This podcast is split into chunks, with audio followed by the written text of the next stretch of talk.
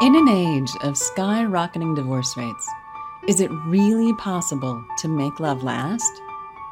Welcome to the Falling in Love Forever show with doctors Barbara and Michael Grossman, the well known relationship experts and best selling authors of The Marriage Map book. Each week, they share the latest information to help you enjoy your romantic partnerships so you can fall in love forever.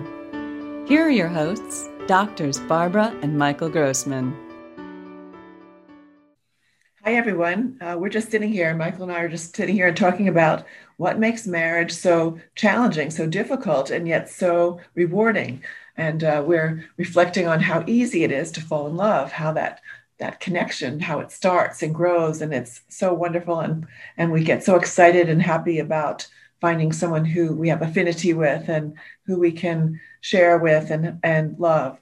And yet, creating partnership is hard over a lifetime and so um, we have some thoughts about that. And we're um, reflecting on um, how relationship, making that connection is so easy, but partnership, creating actual partnership is a whole nother project that needs really, um, we have to learn how to do that. And not only do we have to learn how to do that once, we have to do that over and over again because life keeps changing. So creating partnership is kind of like learning how to ballroom dance with your partner. Barbara and I love to ballroom dance, and it's such a great metaphor for what you're doing in a romantic relationship. So when we dance together, in the beginning, you're just learning steps. And you're just doing the steps and you're trying to get the steps right. And after you're dancing a while, our teacher then asks us to give each other feedback about what we're not doing right, about what the other is doing wrong, so that we become conscious of it. And let's talk about what right and wrong is. Uh, right is um, working together and having a beautiful form and expressing an artistic, lovely um, art expression. And so there's there's a way to partner um, that looks beautiful and feels delicious, and there's certain things to do that supports that. And we, we've learned to be able to teach to tell each other well your, your hand needs to be up. It goes down around the curves. Or your head needs to be back so that we can use the velocity around curves to go faster. And um, or your, your head needs to be back so that it balances my body. Uh, all that feedback it's not criticism it's just feedback so that the performance looks beautiful and we have a delicious experience together and the metaphor is meant to express that it's it's a learning curve, how to give your feedback, uh, how to give proper feedback to your partner when you want um, behavior changes that increase the functionality and the enjoyment of relationship. I mean, the first problem is when something's uncomfortable, actually finding the words to express what's uncomfortable and what behaviors can make life work for you? What kind of changes do you want specifically so that it sounds like a request um, that is easily doable and not like criticism, like something's wrong with your partner? That's a whole learning experience right there. And um, and so we, we, we teach couples how to do that so that they can keep making adjustments to make their relationship life flow smoothly and feel beautiful, just like ballroom dancing. So that is a critical part of what you have to learn in terms of uh, a, a ongoing romantic relationship. You have to learn how to give feedback nicely. It's a skill. It's a skill. It doesn't come naturally. You're not born with that skill. You got to learn it. So that's one of the skills we teach. Now, the other thing you have to realize about relationship is that your partner is going to change over the next 10 years and you're going to change over the next 10 years. Those changes are substantial. And your partner's used to you being a certain way, and now you're changing, and vice versa. You've got to learn to accept that your partner is going to change and it's not bad. And they're not doing it to hurt you. That's just the nature of life. People grow and change. Of course, you have to learn how to share your, the changes, share what you're learning about yourself, share how you envision your life going forward so that you can enlist your partner's support and, uh, and enthusiasm uh, so that you can both grow and learn together and even change. In one partner can stimulate change in another partner so it can be you know help it'll help you in your development as an individual and as a, as a couple. And um, it's it's exciting you don't want to stay the same your whole life um, that you know that reduces the amount of you know how much you develop your potential and you want to be able to do that and stay connected to your partner and it's very important to recognize that in the beginning of romantic partnership, everything is automatic. You just love everything about your partner, how they do this and that, and they love everything that you do, how you do this and that. 10 years later, it's not automatic. You've got to have these skills to understand how your partner is being now, what works for them, what doesn't work for them. And that's something that you can only know by really listening to your partner. You've got to have the skills to be able to listen because they're going to grow and change, and you're going to grow and change. And that's again, you're not born with that skill.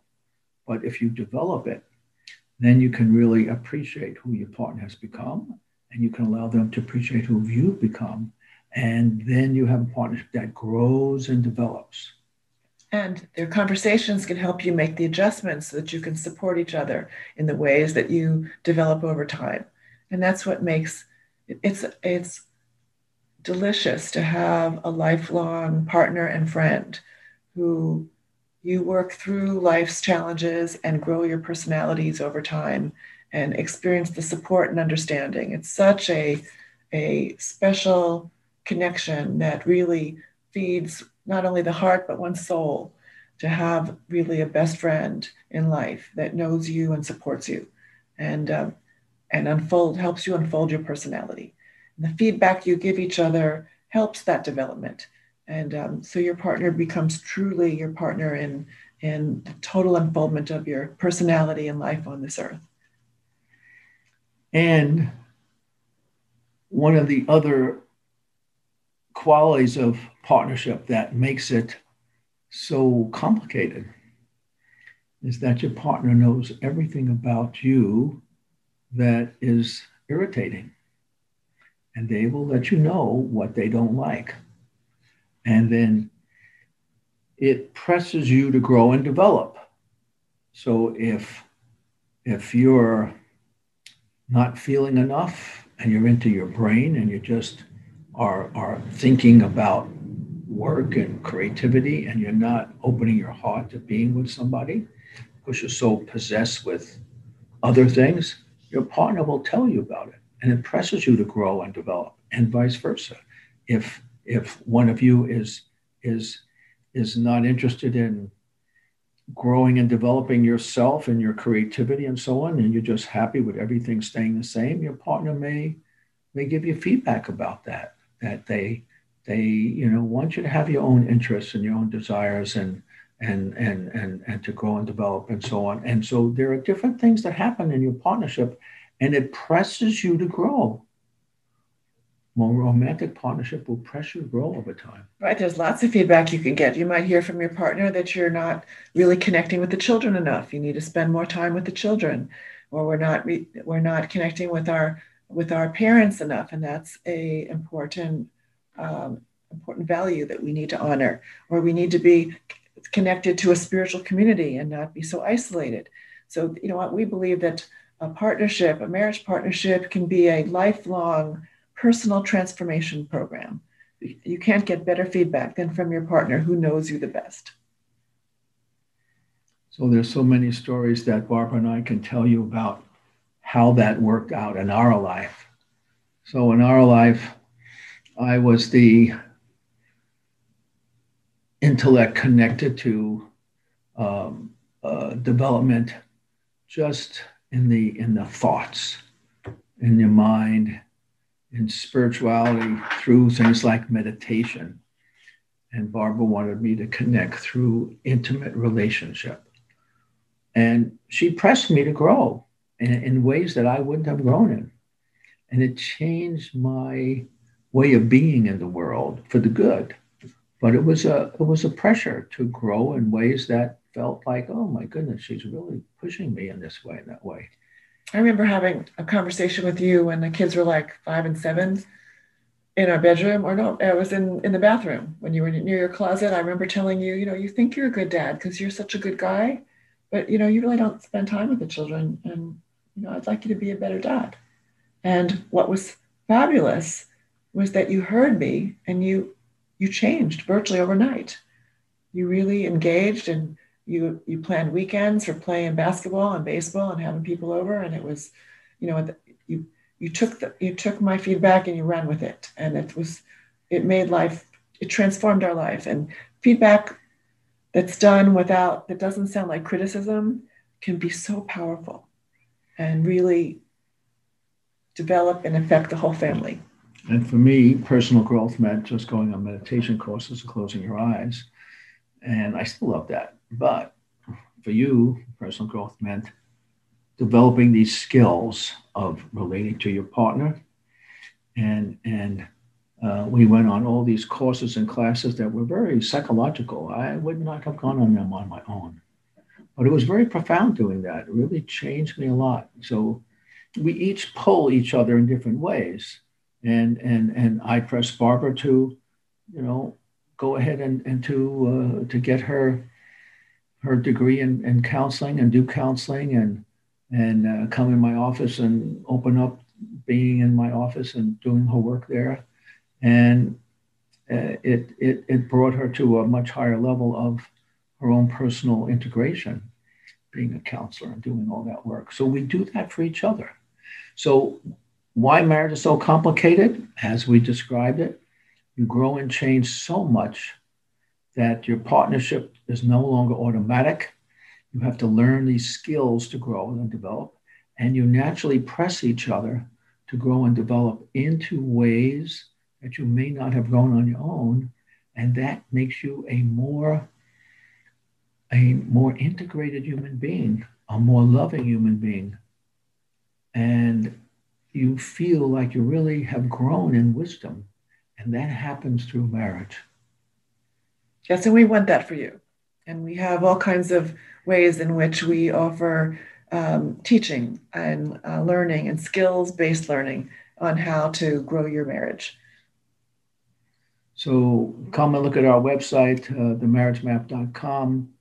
Um, uh, you can go and find our our uh, classes and courses, and we're happy to uh, see you and meet you and uh, at least on Zoom or possibly in person. Anyway, it's a pleasure talking with you all. We wish you the best. Yes, wishing you all love. Thank you for watching the Falling in Love Forever show with doctors Barbara and Michael Grossman. Join us next week for another informative discussion to help you keep your love alive. Be sure to visit us at themarriagemap.com or find out about our relationship classes at fallinginloveforever.com.